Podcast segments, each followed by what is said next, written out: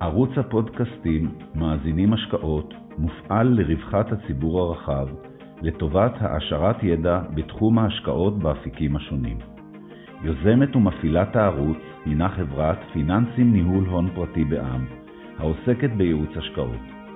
מנחה הפודקאסטים הינו דוקטור איתי גלילי, מנכ"ל החברה. אהלן זיו. היי איתי. היי, תודה שאתה מצטרף אליי לפודקאסט. תודה לך.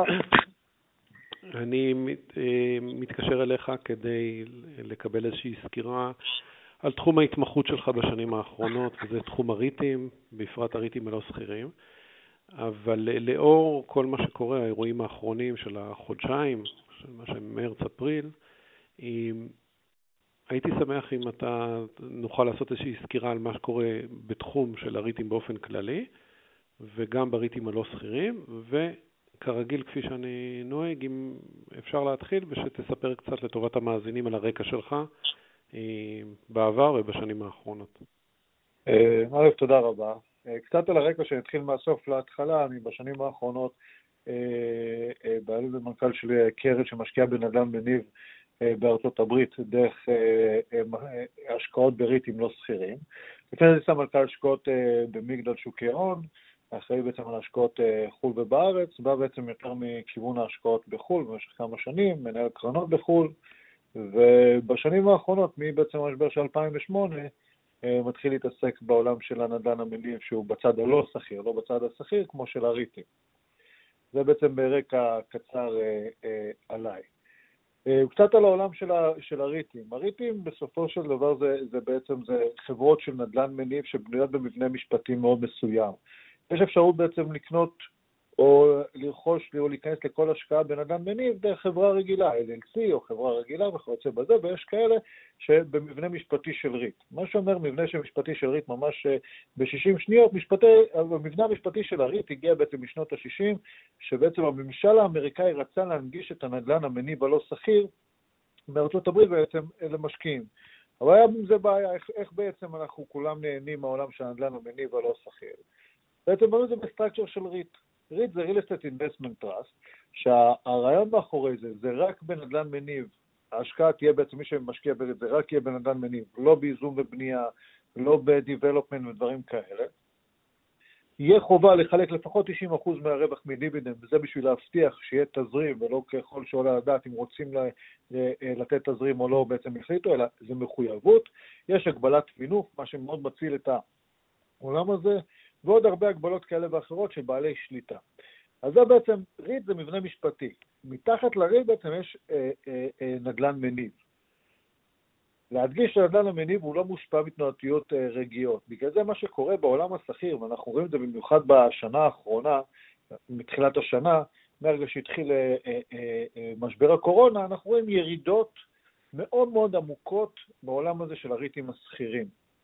ירידות שהגיעו ל-50 ו-60 אחוזים בסקטורים אה, מסוימים, וכאלה שאולי פחות, עוד שנייה אני אגע בסקטורים הספציפיים שעשו יותר טוב ופחות טוב. אז רגע, אולי לפני הסקטורים, כן. זה רק חשוב לחדד את עומק השוק הזה, אנחנו רגילים בישראל שבשנים האחרונות התעשייה הזאת התחיל, התחילה לצמוח. ובארצות הברית מדובר פה על שוק שקיים כבר עשרות שנים. מה היקף, מה גודל השוק הזה? גודל השוק הזה של עצמו הוא מדובר על שני טריליון דולר של אה, נכסים, אוקיי, בעולם הלא שכיר, ובעולם אה, השכיר, סליחה, ובעולם הלא שכיר מדובר בין 100 ל-200 מיליארד דולר. אוקיי? זה בעצם ההיקף. היקף מאוד מאוד גדול בעולם הסחיר, הרבה מאוד חברות גדולות בעצם נסחרות, שבעצם הן משקיעות בנדל"ן המניב, כמו שציינתי, דרך המבנה המשפטי של ריט. זה סקטור מאוד מאוד גדול, בגלל זה זה גם ההנגשה, הנגישות הכי קלה כמעט בעצם לבוא ולהיחשף לכל מיני סקטורים בנדל"ן מניב. כי מה זה בעצם נדל"ן מניב? נדל"ן מניב זה בעצם יכול להיות כמעט כל דבר אפשרי, זה מבניין משרדים ל data center, שזה חוות שרתים, למרכזי הפצה של אמזון, אה, אה, ל retail center, ל shopping center, למולים וכולי, כי הכל בעצם, אנחנו ביום-יום כל הזמן נוגעים בנדל"ן מניב, אם זה הספר, אם זה הבנק, אם זה הדואר, אם זה ה nails, כל הדברים האלה בסופו של דבר זה נדל"ן מניב. כל סקטור כזה מושפע מדברים כאלה ואחרים. יש כאלה שיש להם השפעות שהן אקסוגניות לשוק, ויש כאלה שהן מתוך השוק. מה הכוונה? אם ניקח למשל את האירוע הזה שנקרא הקורונה, אם אנחנו עכשיו סוגרים עכשיו את הרחובות ואת החנויות ואת הקניונים, מן הסתם יש פה פגיעה. יש פה פגיעה בעצם ביכולת לשלם. אבל הקניון עצמו, אם אני הבעלים של הקניון, מה שמעניין אותי זה האפשרות של השוכרים בעצם לבוא ולשלם את השכירות החודשית. עכשיו, כמובן שככל אני במעגלים יותר גדולים, יש מעגלים שלא קשורים, כמו data center, חוות שרתים למשל, כמעט ולא מוש... לא מושפע אפילו הצד השני. למה חוות שרתים זה בעצם, אה, אה, אה, אין קורולציה לשוק, זה לא משנה אם השוק יעלה או ירד, בסופו של דבר צריך בעצם את הדבר הזה שנקרא חוות שרתים ככל שהמידע מתרחב. כמו distribution centers ו industrial, distribution center שבעצם זה מרכזי הפצה, שהסוחר הכי גדול בארצות הברית זה אמזון, אוקיי? אז אם אמזון עכשיו אנחנו רואים מה קורה ויותר רכישות דרך אמזון וכולי, אין שום סיבה שהנכס, שווי שהנכס ירד, אלא ההפך יעלה. למה זה מעניין? כי אם אנחנו הולכים לעולם השכיר, וזה אחת הבעיות והמורכבויות של העולם השכיר, העולם השכיר נע במהירות מאוד מאוד מאוד חזקה, ככל שעובר השנים, אם 2008 היה משבר של כמה שנים, אנחנו מדברים על קורונה, משבר של כמה חודשים, ואנחנו רואים את התנועתיות המהירה שיש בשוק. העולם הזה בעצם, בגלל לחיצת כפתור, נמכרים דברים. אנחנו ראינו למשל סקטור ה data center, שהוא סקטור שאין לו קורולציה כהוא זה למשבר הקורונה, עדיין ירד, ירד ב-20 אחוזים. תחשבו על זה שאם אני קונה עכשיו נכס, בתוך שבועיים הוא ירד ב-20 אחוזים. כל נכס, בניין משרדים וזה, זה בלתי אפשרי בעולם הלא סחיר, זה לא קורה. הוא גם לא יעלה 20 אחוזים. קניתי נכס, קניתי דירה, קניתי משהו, אין תנועתיות כזאת של אה, כאלה עוצמות. אבל בגלל שזה העולם השכיר, יש לחיצת כפתור, יש עוצמות מאוד מאוד גדולות. אבל גם בעולם הלא שכיר, סליחה, בעולם השכיר, יש דיפרנציאציה בין הסקטורים. זאת אומרת, לא כל הסקטורים הושפעו אותו הדבר. אבל זה נכון גם לאיזה סקטורים נכנסו טוב למשבר הזה ואיזה לא. מה הכוונה? ניקח את סקטור הקניונים. בעבר ידענו גם לפני חצי שעה, לפני שנה, שהסקטור הזה הוא לא סקטור, הוא סקטור בעייתי, יש שינוי, יש קנייה מקוונת, פחות אנשים הולכים לקניונים, הקניונים הם בעצם נכס בעייתי, מורכב וכולי. עכשיו, כשהוא נכנס לכזה משבר, שגם ככה לפני זה היה בעיה, מן הסתם, ברגע שגם עושים לו shutdown, הבעיה מעמיקה, ואפילו יכול להיות מצב של חוסר recovery, זאת אומרת שלא יהיה בכלל התאוששות מה, מה, מה, מה, מהסקטור הזה. הרי היתרון בנדל"ן מניב, אחד הדברים הכי טובים שיש בנדל"ן מניב, שאם קניתי אותו וגם הוא ירד, ההסתברות שיהיה recovery, שיהיה התאוששות, שהוא יחזור למחיר שלו מאוד מאוד גבוה. עכשיו, בעולם ה shopping center זה לא בטוח, כי גם הם נכנסו לסקטור, הם נכנסו בעצם לעולם הזה, לעולם הקורונה, אה, אה, במבנה של אה, נתונים כלכליים לא טובים. אם ניקח עוד סקטור שכביכול סקטור שהפתיע את כולם, סקטור הפלז'ר, המלונאות וכולי. סקטור המלונאות והפלז'ר מצד אחד לא, לא הייתה איתו בעיה, אבל סקטור הכי קשה שיש. למה זה סקטור קשה? בוא ניקח, הרי מה הסיכון הכי גדול של נדל"ן מניב? זה בעצם תפעול הנכס. הרי זה בעצם, אם אנחנו לוקחים כל נכס תפעולי, אם זה בניין משרדים, אם זה בית אבות, אם זה בית מלון, זה בעצם, מה שנותן לו ערך זה תפעול הנכס, זה הדבר העיקרי. עכשיו, בית מלון זה נכס מאוד מאוד תפעולי.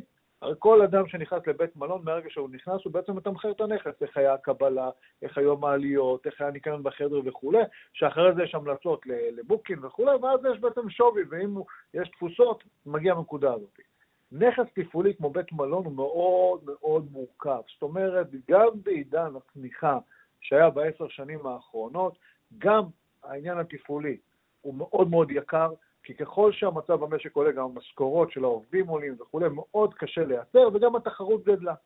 אוקיי, היום להזמין מלון דרך פלאפון לתוך שנייה, אנחנו יודעים, לא הולכים רק לרשתות, הולכים לכל דבר שמגיע.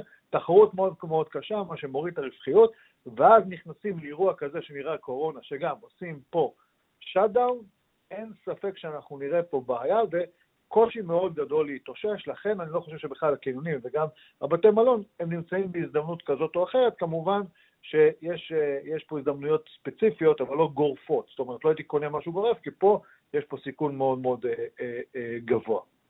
אבל אם אני הולך לעוד אה, אה, סקטורים אחרים, כמו ה multifamily, ה multifamily או ה residential בארצות הברית זה סקטור מאוד מאוד גדול, שה multifamily בעצם מ-2008 יש איזה שינוי מבני בארצות הברית שפחות קונים דירות, יותר משכירים, במיוחד הצעירים, יותר שוכרים דירות, אה, אה, כי הם לא רוצים את ההתחייבות. כרגע אנחנו לא רואים שום בעיה במולטי פמילי, במיוחד בעידן הקורונה. למה? יש פה גם משהו פסיכולוגי. היום, כשיש את הקורונה, בעצם אומרים תישארו בבתים. אדם הדבר האחרון שהוא בעצם ירצה, שלא יהיה לו בית בעצם להישאר בו. אז אנחנו נראה שהם כן יתאמצו וכולי, כמובן זה לא יהיה בדירות יוקרה או בדירות הבינוניות, אה, זה לא מדבר על מנהטן, דירות של 5,000 ל-15,000 דולר, ששם אם בן זוג או שניים מהם אה, מפוטרים, אז מן הסתם יצטרכו לעזוב. אלא יותר ב multi family של 1,200 ל-1,500 דולר, class asset, זה מאוד מאוד מעניין.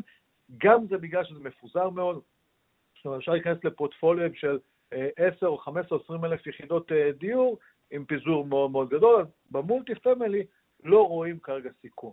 אוקיי, אני אדבר רק כמובן על נושא של נדל"ן מניב, לא על uh, בנייה, לא על development, לא על construction, רק על uh, נדל"ן מניב. עוד סקטורים בעצם שיש, שהרבה אולי לא מכירים אותם, כמו ה-self storage, אוקיי, החסנה עצמית.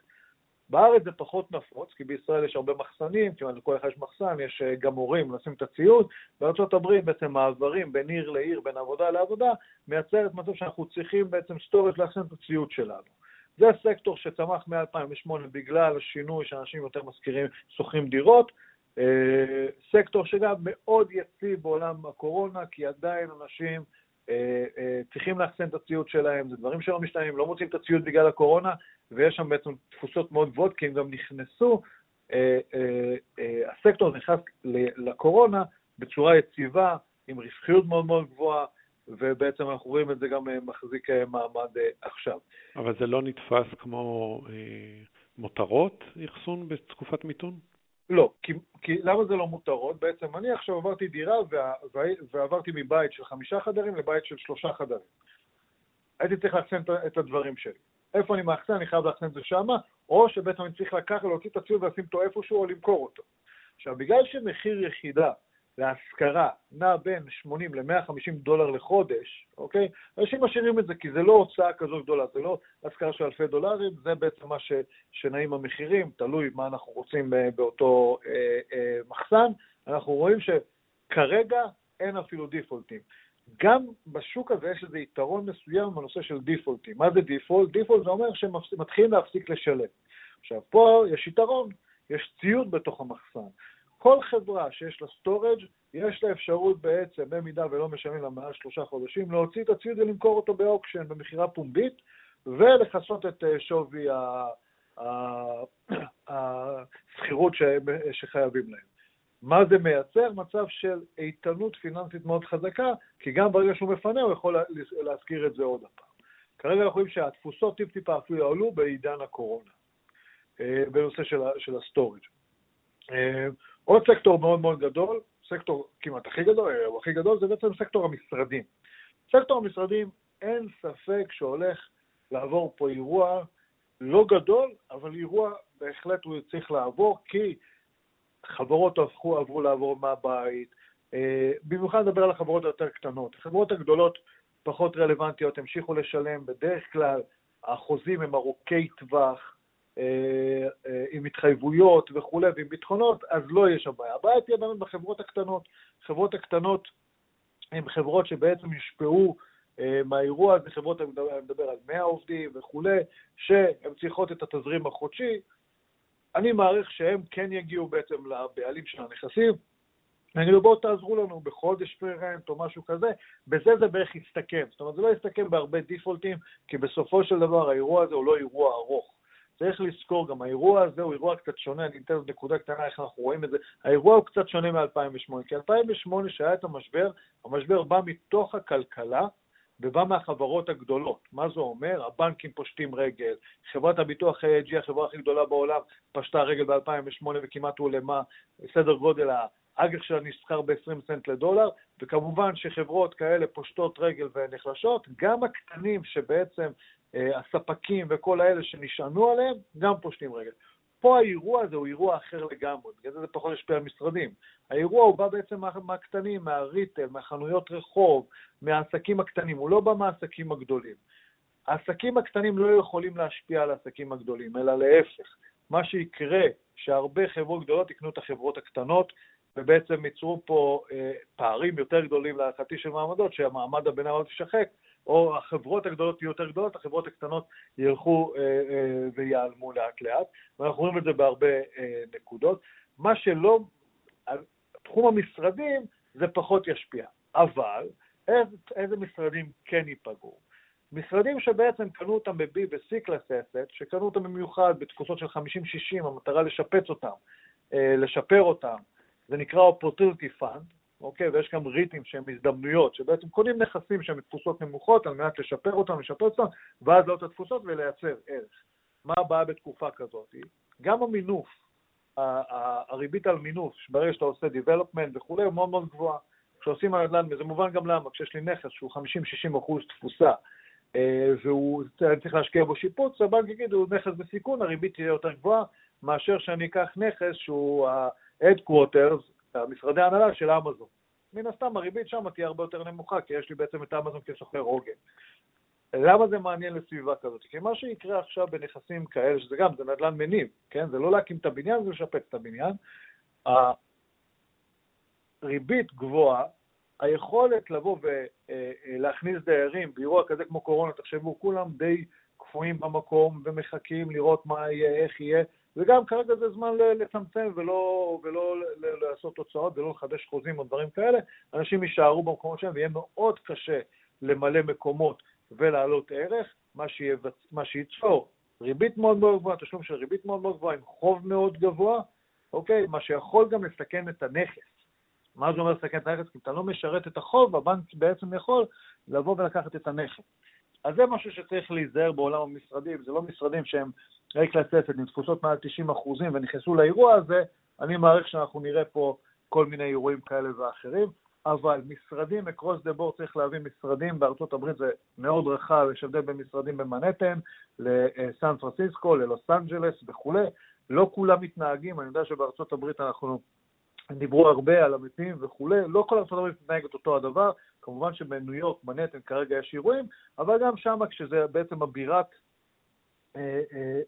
הפיננסים הגדולה בעולם, וזה, היא תצא מזה די מהר, אז אם יהיה פייטיון, בסופו של דבר סוחר גדול יבוא גם ללנדלורד וגם סוחר קטן, ויגיד, תן לי חודש, חודשיים, פרי רנט, בזה. אז יהיה פה איזו פגיעה תזרימית, אבל לא יהיה פה פגיעה בשווי, כי בסופו של דבר עדיין יש צורך למשרדים האלה, כי חברות לא מצטמצמות, וגם כל נושא של עבודה מהבית הוכח בעבר על ידי מייקרוסופט ופייסבוק שזה לא עובד, הם עשו תוכנית עבודה מהבית, גילו שזה לא עובד, הבינו שהתפוקה יורדת, ובעצם אה, ביטלו אותם.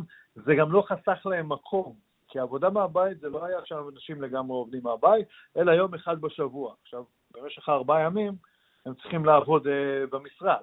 אז בעצם זה לא חסך להם מקום, אבל כן uh, ירדה בעצם התפוקה. אז זה בתחום בעצם המשרדים. עוד סקטור שהוא מאוד בעייתי בארצות הברית זה סקטור הריטל. סקטור הריטל, כמובן שאני מדבר, זה סקטורים שלמים שמאוגדים בצורות כאלה ואחרות. סקטור הריטל זה בעצם חנויות, חנויות בודדות, או מקבץ של חנויות כמו אה, מי שמכיר את מייסיס, או אה, אה, וכולי, זה בעצם החברות האלה, או חנויות הרחוב שאנחנו מכירים, הם באמת בבעיה, אבל גם הסקטור הזה, בגלל הקנייה המקוונת, נכנס לאירוע הזה שהוא כבר מראש היה בבעיה. אנחנו רואים בעצם הרבה חברות אה, בגדים, אפילו סיקטור, ויקטוריה סיקרט וכולי, שאנחנו רואים שהם פושטים רגל, היו במצבים לא טובים, היו בהסדרי חוב וכולי, והם נכנסו לאירוע הזה בצורה עוד יותר קשה, והאירוע הזה בעצם עוד יותר יקשה עליהם. אז תחום הריטל יהיה פגיעה, אה, להערכתי, ויהיה מאוד קשה להתאושש. כי גם ככה היה לזה סוג של טעם. זה לא אומר שמחר בפיפ אבניו נראה חנויות ריקות, זה לא יקרה, אבל הרבה ריטל אנחנו נראה בעצם שבאזורים אה, קצת אחרים, אנחנו נראה שפחות עובד ופחות אה, אה, מצליח. תחום האלסקר, תחום האלסקר הוא תחום מאוד מאוד רחב, אוקיי? מאוד מאוד מעניין תחום האלסקר, כי יש פה סקטורים טובים, סקטורים שלא טובים, אבל גם פה התחום הזה בעצם נכנס למשבר שחלקו לא במצב טוב, אפילו חלקו במצב ממש לא טוב, וחלקו במצב מאוד טוב, אני אסביר. בעצם, אם ניקח אתכם כמה שנים אחורה, יש אה, אה, אה, בחור טראמפ שנבחר והחליט בעצם לבטל רפורמה שאובמה עשה לפניו, נקרא אובמה קר. בעצם הביטול, הרצון לבטל, בעצם פגע בהרבה סקטורים של אלסקר בארצות הברית. אם זה תחום המדיקר וכולי, זה יותר הטיפולים היומיים, מה זה אומר? בנו בעצם אה, אה, אה, מבנה שבו בעצם יש את הטיפולים היומיים, מי שצריך לבוא ובעצם אין לו כסף, הוא בעצם יכול לבוא להתאשפז שם יום-יומיים, את המרפאות האלה, ובעצם בא טראמפ ואמר, אני יותר לא משלם על זה, ואין יותר תשלומים, אין יותר תקציבים לזה, מה קרה? הנכסים האלה היו ריקים. אוקיי, גם השקיעו בהם הרבה כסף, וגם בעצם הפכו להיות ריקים. וגם בשביל עכשיו להעביר אותה למשהו אחר זה מאוד קשה, כי צריך ייעוד, לשפץ מחדש, הרבה מאוד כסף, אז גם לפני המשבר הם נכנסו בצורה כזאת.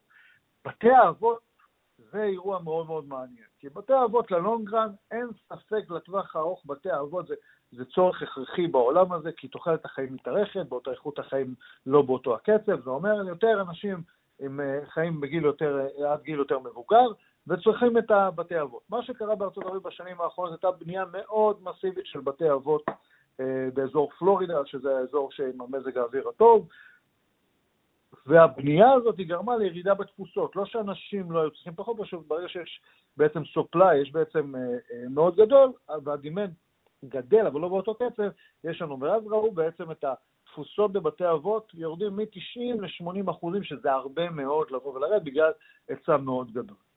בנוסף לזה, הקורונה, למה כן משפיע? אנחנו רואים מה קורה בבתי האבות, זה כן עושה השפעה פסיכולוגית בטווח הקצר, שאנחנו נראה בשנה, שנתיים, שאנשים לא כל כך ימהרו ללכת לבתי אבות בגלל נושא הקורונה והתמותה בבתי אבות. אני מעריך שהסקטור הזה ייפגע בטווח הקצר-בינוני. בטווח הארוך אין ספק שזה צורך הכרחי וקיומי לעשות את ה...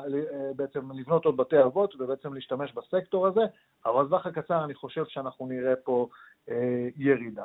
עוד בתחום ההסקר יש שני סקטורים מאוד מאוד מעניינים, זה MOB, זה בעצם משרדי רופאים, וכמובן בתי חולים, קופות חולים ובתי חולים אה, אה, פרטיים. זה עדיין סקטור שמאוד מאוד מעניין, ימשיך להיות מעניין. אני מעריך שזה סקטור גם אחרי זה שיקבל יותר תקציבים מהמדינות וכולי, מה שמייצר פה אה, עניין, אז גם אם הולכים לפורטפוליו של אלסקר, צריך לבדוק את הנכסים מתחת לאיזה סקטור הם עובדים. כי בעצם כולם תחת אותה כותרת, אבל ההתנהגות היא שונה אה, אה, לגמרי. אה, עד כמה הסקטורים עמוקים מבחינת אה, היצע אפשרויות ההשקעה? יש, אה, למשל, אה, בתי אבות זה סקטור מספיק מפוזר שאתה יכול אה, להשקיע בו, או שיש מקומות שזה צר מדי? בתי אבות, בתי אבות ספציפי כן אפשר להשקיע, יש פורטפוליו ויש חברות מנהלות שזה ההתמחות שלהם, בתי אבות. אין להם מושג מה זה ללכת עכשיו לבתי חולים, קופות חולים וזה, אלא לבתי אבות, אוקיי? יש פורטפוליו שלמים שהם רק של בתי אבות, שמדובר פה, יכול לדבר בין 50 ל-150 אלף מיטות. זאת אומרת, מאוד מאוד מפוזר, רק של בתי אבות. זאת אומרת, יש כאלה שזה ההתמחות שלהם, אז למה צריך את מה זה התמחות, במיוחד בבתי אבות. כמו שאמרתי מקודם, העניין התפעולי. בית אבות, איך זה הולך? הנכס הכי תפעולי שיש זה בית חולים, אחרי זה בית אבות ואחרי זה בית מלון. אוקיי, בית אבות ובית מלון כמעט אותו דבר. למה בית אבות הוא מאוד תפעולי? כי יש שם, מגיעים אנשים שהם דיירים, וצריך להיות שם צוות רפואי, וצוות עובדים, וצוות אחים, ואוכל, אה, וחנויות, ודברים כאלה שיש בהרבה מבתי אבות שם, ובריכה, וחדרי כושר, ויש צריך לתפעל, זאת אומרת, כל זה תפעול כל הזמן לגיל המבוגר. זה תפעול מאוד מקצועי, מאוד יקר, כי גם העובדים שם, תחשבו על הרופאים, אחיות וזה, זה לא צוות זול, זה צוות יקר אה, ומאוד מאוד תפעולי, וצריך לדעת לתפעל את הנכסים האלה, ומאוד קשה. ככל שנכס נדל"ן מניב הוא יותר תפעולי, אני מציע פחות להתעסק איתו, אוקיי? פחות uh, להיכנס להשקעות שם. לא אומר שאין הזדמנויות, אם מבינים ויש שם חברה מנהלת, מתפעלת טובה, אפשר, אבל להיזהר מזה, בגלל זה בתי אבות. עכשיו, בבתי חולים, דברים כאלה, אה, אה, לצערנו הרב, בתי חולים תמיד יהיו דיירים. אוקיי, תמיד יבואו ותמיד יצטרכו ותמיד יהיה, ו... אז זה פחות אה, אה, מסוכן. אבל כל מה שקשור לבתי מלון, בתי אבות, מי שלא מבין, צריך ממש לעשות picking ולבדוק אחד-אחד, ולבדוק את החברה המתפעלת, לראות תפוסות, לראות איך הם אה, מחדשים חוזים, ולראות איך הם עובדים, ולראות שאין שם נטישה, כי בעצם היום בגלל הבנייה המסיבית של בתי אבות, הבעיה העיקרית שיש נטישה מבית אבות אחד לשני, למה הוא יותר יפה, הוא, הוא חדש, הצוות שם יותר טוב, ועוז עוברים, ואם התפעול שם לא יהיה טוב, יעזבו אותו מהר מאוד. אז בגלל זה צריך לשים לב, וזו השקעה ארוכת טווח. זה לא השקעה, מי שמשקיע בבית אבות הוא לא משקיע לשנה, שנתיים, אלא למשהו יותר ארוך, בגלל זה חייב להיות את החברה המתפעלת. אז בגלל זה כל הנושא של תחום הבריאות, ה-healthcare, צריך לראות באיזה סקטורים, מה יותר נכון, התת-סקטורים שיש באותו סקטור, אה, ואז דרך זה לראות איפה אנחנו רוצים אה, להשקיע. אולי רק מילה אחת על אה, צמיחה של, של התחום של הלוגיסטיקה? לוגיסטיקה. אין ספק שתחום הלוגיסטיקה צמח במיוחד מ-2008, כי יש חברה קטנה שנקראת אמזון, שבעצם צמחה יחד עם הסקטור והצמיחה אותו שם. כל התחום הלוגיסטיקה זה תחום של צריכה, והיום בגלל שאנחנו עושים צריכה אלקט... אה, אה, אינטרנטית, קונים וכולי, הלוגיסטיקה זה משהו שילך ויגדל, ילך ויגדל. רואים את זה בצורה הכי מובהקת דווקא בגלל הקורונה, מה קרה לחברת אמזון. המניה בשיא של כל הזמנים, אוקיי? גייסה לפני שלושה שבועות, ארבעה שבועות, עוד מאה אלף עובדים, אוקיי? כי זה בעצם העתיד. הלוגיסטיקה וכל הדברים זה העתיד, זה נכסים מאוד מאוד מעניינים. הבעיה, צריך לשים לב, האחד, הבעיה היחידה, שהם גם קצת יקרים היום. אוקיי, אני לא אומר שזה פה, גם פה צריך לדעת לתמחר. אם נכנסתם לפורטפוליו עם 20-30 נכסים, לראות שבאמת הם לא יקרים מדי, וכמה שזה אמזון וזה קוסם והכל, לראות שהמחיר לא יקר. בסופו של דבר, המחיר, אתה, אנחנו קונים משהו שגם המחיר שלו יעלה, לא רק התשואה השוטפת. עד כמה, המחיר... כמה הסקטור זז בחודשיים האחרונים? זה, יש, הסקטור הזה כמעט ולא זז, אוקיי? מתחילת הפעילות, הוא, מתחילת השנה אפילו, הוא סביב האפס, אוקיי, כל הנושא של ה industrial וכולי, הוא עלה וירד חזרה, זאת אומרת, לא ראינו בכלל אה, פגיעה. אפשר להגיד את זה גם על ה data center, שה data center זו אפילו חיובי מאוד מתחילת השנה, אפשר להגיד את זה על ה infrastructure, אין הרבה סקטורים שאפשר להגיד שהם אה, חיובים, אבל יש שלושת סקטורים שהם גם בעולם הסחיר הם חיובים. שהעולם השכיר הוא מאוד מאוד תנועתי. בעולם הלא שכיר לא ראינו פגיעה כמעט באף סקטור, אלא יותר ראינו פגיעה במשהו ספציפי, יותר סיכוני מיקרו, פחות סיכוני מקרו. מה זה אומר? אז רגע, אולי לפני זה רק תסביר למי שלא מכיר, כי השכיר זה עוד משהו מוכר. מה זה לא שכיר? לא שכיר זה בעצם להיכנס לפורטפוליו, שהוא בעצם, לא, המניות שלו, היחידות שלו נסחרות בבורסה. זאת אומרת, אין לו את התנועתיות היומיומי, המחיר שלו נקבע על פי בעצם השווי של הנכסים עצמם, זאת אומרת, אם קניתי עכשיו עשרה נכסים במיליארד דולר, השווי של, של הפורטפוליו הוא עשרה מיליארד דולר. איך זה יכול להשתנות? אם פעם בשנה יש שיערוך לפורטפוליו והוא יכול לעלות ולרדת. וגם פה אנחנו לא נראה מינוס 20 פלוס 20, אלא נראה את המינוס 2 לפלוס 2, מינוס 4 למינוס פלוס 4, אלא אם כן נכנס לפורטפוליו שהוא לא טוב, או פורטפוליו שהוא ממש טוב. Industrial, Distribution Centers וכולי, בשנים האחרונות עשו תשואות פנומנליות, כי כולם בעצם עשו shifting לכיוון ההשקעות שם. למה, למה בעצם עשו shifting? בגלל הסיכון. בדרך כלל נכס כזה, ב-99% זה שוכר אחד בנכס אחד. מה זה אומר? כמו שדיברנו על, על מרכז לוגיסטי, בדרך כלל המרכז לוגיסטי הוא של אמזון, הוא של פדקס, הוא של אה, אה, חברה כזאת או אחרת, ואז אני בעצם, אם אני קניתי את הנכס ואמזון היא הסוחרת שלי עם ליס ל-10, עם חוזה שכירות ל-10-15 שנה, בעצם קיבלתי במרכאות אג"ח עם ריבית 6, בערך זה מה שמקבלים, שאמזון הוא הסוחר. לעומת זאת, אם הייתי הולך קונה את האג"ח של אמזון, הייתי מקבל בין 2 ל-3 אחוזים. עכשיו, היתרון שהנכס הוא שלנו, זאת אומרת, גם הסיכון אפילו יורד, אז מה שקרה, המוסדיים בעולם הבינו את זה בשנים האחרונות וזזו ובעצם הלכו לכיוון הזה, ואהבו מאוד לרכוש נכסים של סוחר אחד בנכס אחד. קחו למשל את מגדל, למה מגדל תאהב את זה? סתם בשביל הדוגמה. כי היא לא יודעת לנהל נכסים. מגדל היא לא חברת ניהול נכסים. מה היא עושה? אבל אם אתה קונה נכס אחד שיש לו שוכר אחד, שזה triple net lease, זה אומר שהכל על שוכר, שום דבר לא על המשכיר, אין פה תפעול, אפס תפעול. הדבר היחידי שאתה מטפל זה את החוזה פעם ב-10-15 שנים. כמובן צריך לשים לב, כשנכנסים לפורטפוליו או לנכס כזה, צריך לשים לב לשני דברים עיקריים. אחד, מי זה השוכר כמובן, מה הדירוג שלו ומה היכולות הפיננסיות שלו, ושתיים, שהחוזה הוא ארוך טווח. הסיכון של נכסים כאלה זה בעצם שהחוזה שלהם בעצם מתקצר למתחת לחמש שנים, ואז מאוד קשה למכור אותם. מהסיבה הפשוטה שאם מישהו נכנס, הפחד הגדול שלו שהסוחר יצא, ואז הוא תקוע עם נכס שהוא אפס תפוסה, כי היה רק סוחר אחד. החוזה צריך להיות ארוך טווח, עם סוחר יציב, וזה בעצם אה, נותן לנו במרכאות כפולות מוכפלות סוג של אג"ח שנותן לנו תשואה שוטפת, עם תקווה לאיזה אפסייד כזה או אחר, אה, תלוי מי זה הסוחר ואיפה הנכס. גם כן הרחבה לאנשים שפחות מכירים, שקיפות ורגולציה בתחום הזה? שקיפות ורגולציה. בעולם הלא שכיר, בעולם השכיר אנחנו מבינים, זה תחת הרשות לניירות ערך וכולי. בעולם הלא שכיר, אה, מה שאנחנו משקיעים, אנחנו משקיעים בפרוטפול עולם שהם לא שכירים, אוקיי? אבל הם כן ציבוריים. הם תחת הרשות לניירות ערך מדווחים כל הזמן. שזה יתרון, זה יתרון מאוד גדול, כי זה בעצם קיבלנו את העולם הלא שכיר עם רגולציה ושקיפות של העולם השכיר. רוב רוב רוב ההשקעות בעולם הלא שכיר, לצערנו הן לא, לא ציבוריות, הן פרטיות, אבל יש רואה חשבון מבקר, יש אדמיניסטרטור וכולי ודברים כאלה, על מנת אה, אה, אה, אה, לבטח במחאות את, ה, אה, אה, את המבנה של הקרן ואת הרגולציה שם.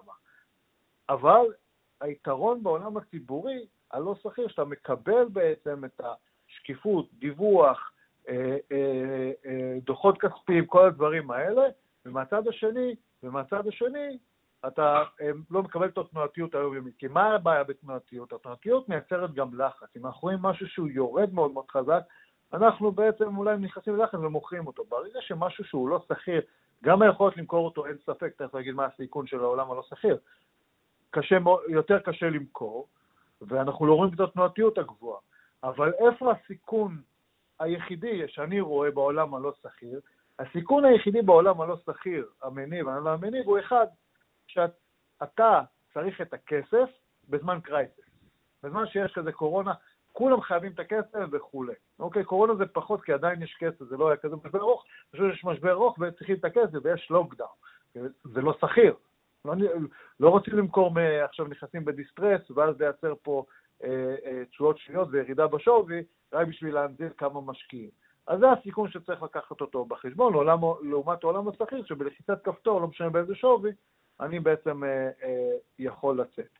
אז יש הרבה פיקוח ורגולציה, אבל זה גם נקודה שכל משקיע צריך לבוא ולבדוק ולשאול כמה פיקוח, כמה רגולציה ואיפה הסיכונים, לא הסיכונים רק האם הנדל"ן יעלה וירד, איפה הסיכונים שהאם אני השקעתי במשהו שהוא לא שכיר, שיום אחד אני מגיע והוא פתאום מוריד לי 50 אחוז, אבל לא קשור לשוק, אלא בגלל אה, אה, חוסר בהירות או חוסר הבנה אה, שיש.